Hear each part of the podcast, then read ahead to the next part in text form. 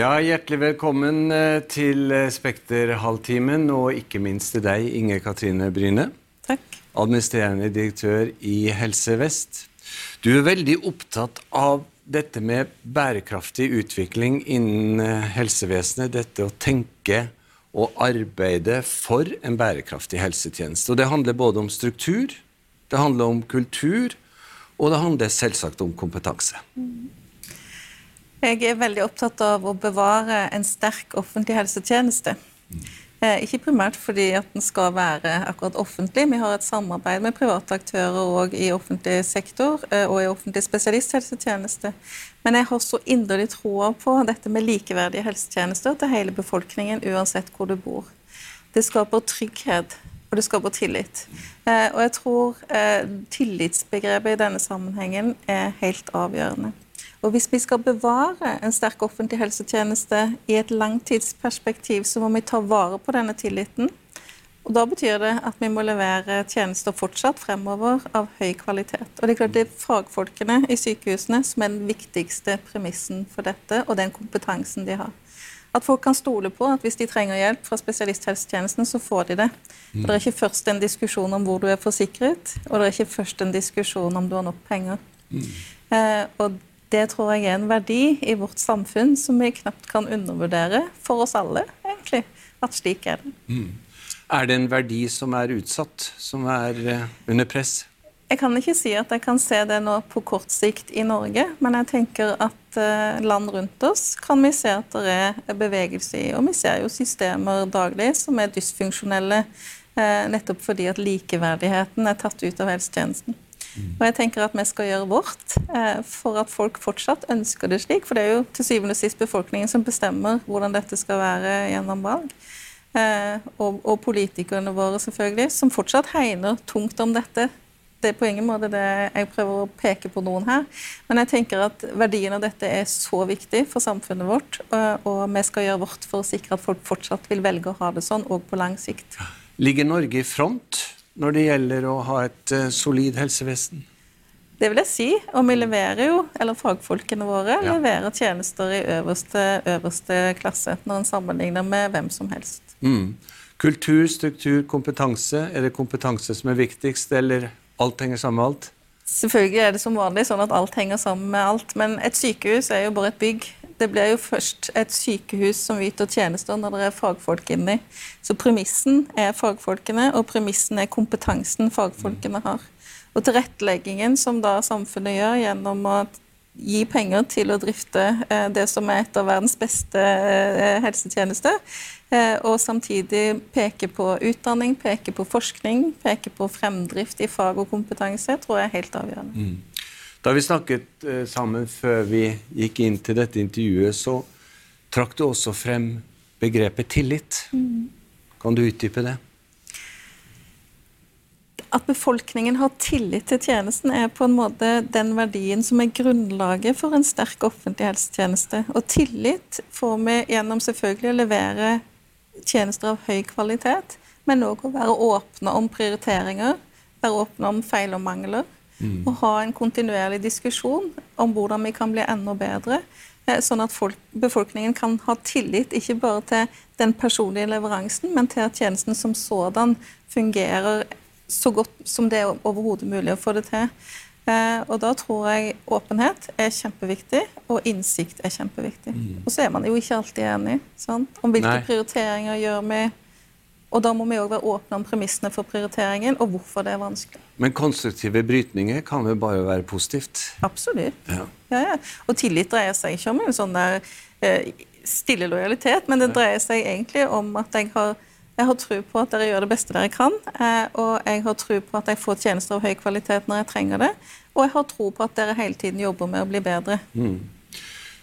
Jeg vet at du også er eh, opptatt av det å tenke langsiktig, ikke minst for å få til eh, nyskapning. Hvordan kombinerer du det i en travel eh, hverdag med akutte avgjørelser? Mm.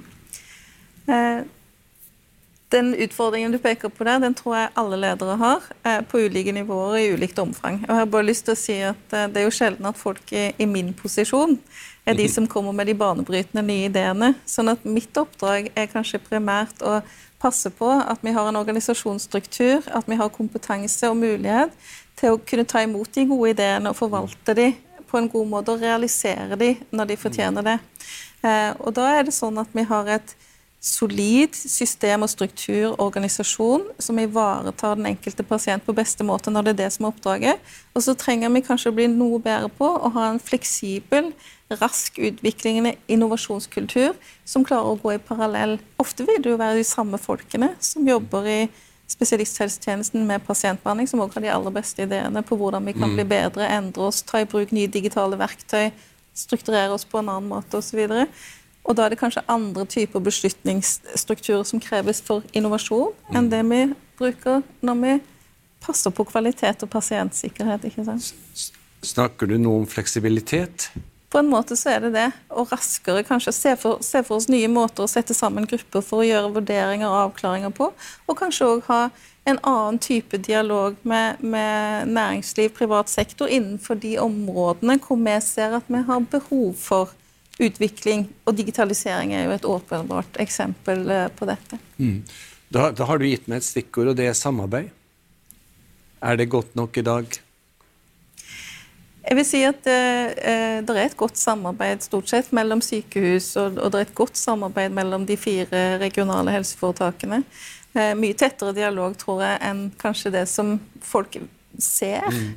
Eh, men allikevel så ligger det kanskje noe der på at vi kan forsterke samarbeidet enda mer gjennom å, glede, å bli enda bedre på å glede oss over hverandres suksesser. Ja, ja. Eh, og kanskje være glad for å kunne være det vi kaller for en fast follower, istedenfor å tenke at vi vil finne opp vår egen variant av et eller annet. ikke sant? Eh, Norge er et lite land. Vi er bare 5,5 millioner innbyggere. Eh, og det er klart For offentlig sektor som får mulighet på vegne av folk eh, å, å forvalte store ressurser, så tenker jeg òg at det kreves smidig samarbeid og dialog, sånn at vi får det beste ut av de ressursene vi har fått til disposisjon. Mm. Der tror jeg det er et forbedringspunkt eh, som, vi må, som, vi må, ettergå. Og så tenker jeg òg at eh, vi kan bli bedre på å lete etter nye, litt mer lettbeinte måter å ha dialog og samarbeid med næringsliv og private aktører på for å se på synergieffekter her. Eh, og Der eh, er det mulighetsrom innenfor lov om offentlige anskaffelser, som jo er en del av, av vår ramme, eh, som vi kanskje ikke i tilstrekkelig grad klarer å utnytte. Mm -hmm. og, og der tror jeg Det henger litt sammen med denne type innovasjonskulturen som jeg snakker om. Så, så det er noen områder her som jeg åpenbart ser at samarbeid kanskje kan være med å løfte til nye høyder, som jeg tror er en del av løsningen. Så det du sier, er at samarbeidet mellom offentlig sektor og privat næringsliv er viktig innenfor helsevesenet? Åpenbart er det jo det. Altså, de regionale helseforetakene eh, kjøper jo varer og tjenester for utallige milliarder i løpet av et år. Mm. Eh, og det er jo ekstremt viktig da, at vi kjøper de riktige tingene. At pengene brukes. Mye av det går jo til forbruksmateriell, men også der er det potensial for innovasjon og utvikling. Men særlig der hvor en ser for seg eh, digitalisering, eh, robotisering ikke sant? Alle disse områdene som vi har stor tro på at i fremtiden skal kunne bidra til bærekraft også økonomisk, men òg kvalitet. ikke sant? Der er det åpenbart at tunge fagfolk i spesialisthelsetjenesten må møte tunge fagfolk i annen type virksomheter og industri eh, mm. for å virkelig få frem det som er potensialet som egner seg for norsk helsetjeneste. Jeg skal ikke blande deg inn i partipolitikken, men, men det, er, det, er, jo en, definitivt en diskusjon om hvor stort det private innslaget skal være. Det, det, er det jo absolutt. og Norge har jo de siste årene hatt en voldsom økning bl.a. i forsikringsordninger. Eh, men dette er det Stortinget som bestemmer, og jeg tenker at vi forholder oss selvfølgelig lojalt til det. Men vårt bidrag kan være eh, å sikre som jeg sier, tjenester av høyeste kvalitet med mm. god tilgjengelighet, kontinuerlig forbedringsarbeid og bevare tilliten som befolkningen har til at de får helsetjenesten de trenger, når de trenger det. Og også den, det siste ett og et halvt året vi har vært inne i, har vel også dokumentert hvor godt samarbeidet har vært mellom både offentlig og privat sektor innenfor helsevesenet? Jeg vil vel si at eh, det er den offentlige helsetjenesten som i stor grad har båret, eh, båret utfordringene knytta til pandemien når det gjelder helsedelen av det. Og jeg har lyst til faktisk å, å peke på kollegene våre i kommunehelsetjenesten. Eh, som har hatt en enormt stor oppgave eh, knytta til pandemihåndteringen, og som de i all hovedsak har løst på en aldeles utmerket måte. Og en topp kvalitetsmessig og solid kommunehelsetjeneste er jo òg en helt avgjørende faktor for at spesialisthelsetjenesten skal fungere. Og jeg tror kanskje det er det vi har sett i noen andre land, eh, hvor primærhelsetjenesten er for tynn og for svak. Så får en overcrowding, altså en får eh, for mye oppgaver lagt inn i sykehus. Og da kommer prioriteringsproblemet inn i sykehus, sånn at en klarer ikke lenger å passe på at det er de mest alvorlig syke som får den ypperste behandling, som trenger den mest. ikke sant? Og så får en da disse scenene som vi særlig det innledningsvis så, fra noen land, også i Europa, eh, hvor, hvor, det var nokså nær en, en, kollaps, som vi sier da, i, også i spesialisthelsetjenesten. Så jeg tror den bunnsolide kommunehelsetjenesten Norge har, til tross for en kommunestruktur på 356 kommuner. Helt fantastisk å se hvordan, eh, hvordan, de har løst de utfordringene som de har ansvar for, og gjennom det òg gitt mulighet til at sykehusene har kunnet løse Eh, de utfordringene som de har ansvar for. Mm. Og vi er jo kommet gjennom det uten at vi skal sitte her uh, høyt i nord i verden og skryte av oss selv, men vi er, vi er, jo kommet gjennom denne pandemien bedre enn de fleste. Det har vi absolutt. Og, og, det skyldes jo en masse andre faktorer òg enn helsetjenesten som sådan. Eh, jeg tror jo tilliten, som koronakommisjonen vektlegger i stor grad tilliten vi stort sett har til myndighetene, spiller en rolle. Mm. Vi har trua på at de vil oss vel, eh, og derfor så forsøker vi så langt vi kan klare å gjøre det de sier er det riktige å gjøre for å forhindre smittespredning. Eh, og vi har tillit til at det de forteller oss som befolkning om hva som er nå er farlig, og hva som ikke er farlig, at det er sant. Mm. Eh, og den tilliten er jo gull verd. Og da er vi egentlig tilbake til ja. tillitsbegrepet som ja. sådan, eh, som jeg tror er et si, adelsmerke på, på, vårt samfunn, ikke sant? Som, som vi må være veldig takknemlige for. Så det er klart, det er jo ikke veldig stappfullt av folk eh, i dette landet sånn all over. Vi bor jo litt fra hverandre, vi har litt god plass, eh, og, og, det er en rekke sånne type faktorer som òg eh, spiller inn, hvis en ser, eh, ser, litt stort på det. Eh, så, men, men, at helsetjenesten og da kommunehelsetjenesten og spesialisthelsetjenesten i tett samarbeid og dialog òg har bidratt, eh, det er jeg ikke i tvil om. Mm. før vi går videre, bare stoppe opp litt her. Er vi bedre forberedt nå, Inger Katrine Bryne, enn vi var det, til å ta neste pandemi? Absolutt. Eh, ingen av oss hadde jo opplevd dette før, siden det var 100 år siden forrige gang. naturlig nok. Eh, eh, man visste jo om at pandemi var høyt oppe eh, på, på, risikolisten. Eh, jeg tror noe av det som overraska meg Da var jeg administrerende direktør i Helse Stavanger. Eh, når, når, pandemien kom. Var, I planene våre var det på en måte litt forutsatt at det ville ta lang tid fra det oppsto en pandemisk situasjon, eller et potensielt pandemisk situasjon et eller annet sted i verden, så ville det ta ganske lang tid, sånn at vi ville ha god tid på oss til å rigge. ikke sant? Mm. Eh, og så hadde vi aldeles undervurdert eh, hvor mye folk reiser. Ja. Eh, og hvordan verden da egentlig endrer seg. fordi at det tar faktisk ikke så veldig lang tid fra et virus å reise på en måte fra Kina til Stavanger. Mm. Eh, fordi at man møttes i Østerrike for å gå ja. på ski. ikke sant? Og vips, så var det også der. Eh, det var en undervurdering. Og så er det klart at eh, vi alle hadde undervurdert eh, smittevernutstyr tilgjengelighet og, og beredskapslagre på den type ting. Og det var jo en stor belastning for hele tjenesten de første ukene. Mm. Du overtok jo som sjef i april i fjor, ikke sant? Hvordan, hvordan var det å overta midt, eller i begynnelsen da, av pandemien, og så ha vært sjef under hele pandemien? I og med at jeg kom fra et helseforetak, et sykehus, ja. så, så, var det egentlig ikke pandemiutfordringen ukjent på noe som helst måte. Jeg fortsatte på en måte med arbeidsoppgaver. Eh, det som kanskje var for meg personlig det rareste, det var en opplevelse av å liste meg ut av et sykehus og liste meg inn i et ROF, og det var ingen folk på ROF-et. Det var meg alene. Eh, og det var ingen markering selvfølgelig av at jeg slutta. Eh, og det var på en måte fordi at folk var jo selvfølgelig opptatt med å håndtere pandemien. Eh, og jeg har ikke fått sagt takk i tilstrekkelig grad til alle de flotte folka som jeg jobba sammen med den arbeids, på den forrige arbeidsplassen min. Mer sånn på personlig plan. Men, men jeg kjenner kjente utfordringsbildet, kjente oppgavene, og dermed så kunne jeg fortsette arbeidet på den måten. Mm. Du har jo både bred og lang erfaring fra, fra, norsk helsevesen. Hvis du da ser tilbake på ja, La oss ta siden du tiltrådte i Helse Vest. da, hva, hva har vært den største utfordringen for deg som leder? Under pandemien? Mm. Mm. Eh, jeg tror det er å ligge tilstrekkelig nok i forkant. Altså hele tiden sikre seg at en har maksimal informasjonstilgang, bearbeide den og klare å tenke langt nok frem for å sikre oss at vi har tenkt igjennom alle utfordringer som kan og må og vil komme, eh, og hele tiden da klare å håndtere eh, det som ligger foran oss. Og det er klart Den usikkerheten som vi hadde særlig i begynnelsen her, de første månedene. Eh, kommer det en ny smittebølge? Hvor stor blir den? Eh, hva vil det bety for tjenesten? Når skal vi slippe opp? Altså I betydningen når kan vi ta ned strukturer som er laga for å håndtere pandemi, for å igjen øke aktiviteten for ordinær eh, behandling?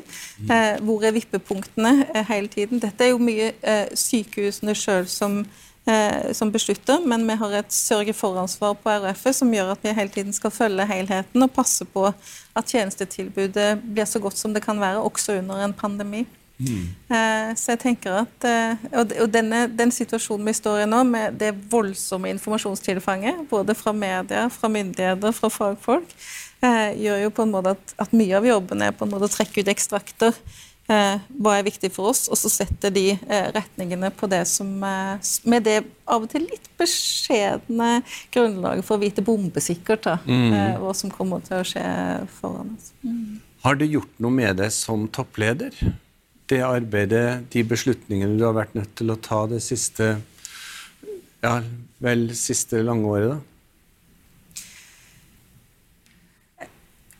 Kanskje. Altså, det å være leder, uansett hvilket nivå i spesialisthelsetjenesten, eh, dreier seg jo mye om å håndtere risiko og styre risiko. Eh, og jeg tenker at det har vært verdifullt for meg å ha hatt alle disse årene i ulike lederposisjoner, fordi at jeg er vant med den tanken. Eh, det som jeg kanskje har eh, Så jeg vil egentlig si at jeg har fått forsterka en del forståelse og innsikt av risikostyring, risikohåndtering, eh, også i samarbeid med utrolig mange andre aktører.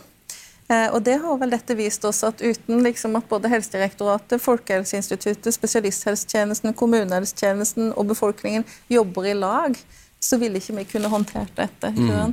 Eh, og, og, det å virkelig på en måte se det og få være en del av et sånn et samspill for å løse en så stor oppgave som pandemihåndtering faktisk er, eh, har egentlig vært utrolig kjekt og spennende. Ja. Ikke på den måten at jeg ønsker meg en ny pandemi, Nei. det vil jeg bare si. Men akkurat den lille faktoren. Ja, det forstår jeg godt. Men, men, men, det er åpenbart at det siste året erfaring også for deg som leder har ført til at du tar med deg noen læringspunkter. Absolutt. Så, ja. Kommer vi tilbake til normalen, da? Ja, Det håper jeg jo, men det er klart at det, hvor lang tid det vil ta, om det kommer nye mutasjoner, om vi må ha på altså Ingen vet dette ennå. ikke sant? Mm. Eh, så det får vi jo se. Nå så jeg jo FHI var ute her nettopp og sa at eh, det kan være at dette nå Vi får iallfall en lang periode eh, hvor vi kan leve mer eller mindre som normalt. Og det tror jeg vi alle ser frem til. Definitivt. Du kommer ikke til å savne Teams-møter? Nei, men skal jeg si deg en ting? Ja. Altså, har jo, vi har jo lært utrolig mye om digitale møteflater.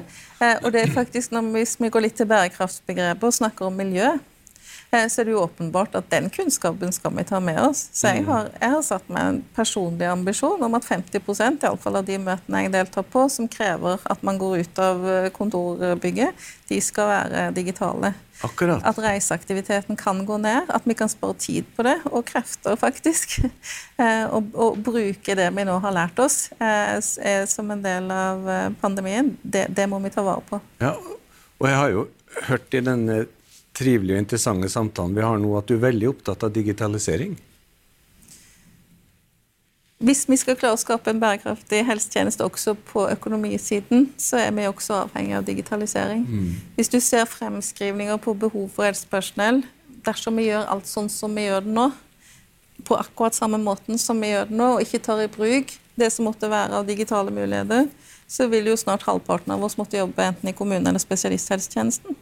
Og det er ikke bærekraftig. sant? Mm. Eh, så vi må sikre oss at tjeneste altså Selvfølgelig er møtet mellom helsepersonell og pasient det aller, aller viktigste. Men alt det vi kan ta vekk av arbeidsoppgaver, som er manuell registrering, alle disse typer tingene her, de må vi rydde vekk, sånn at helsepersonell har tiden sin og muligheten sin til å bruke kompetansen sin direkte i samspill med pasient. Akkurat. Og da vil vi klare å ha en bærekraftig, likeverdig helsetjeneste òg om 30 år, når vi tror at forbruket kommer til å øke, både pga. medisinske muligheter og fordi eh, vi blir eldre. Ja. Du er jo styremedlem i Spekter. Ja.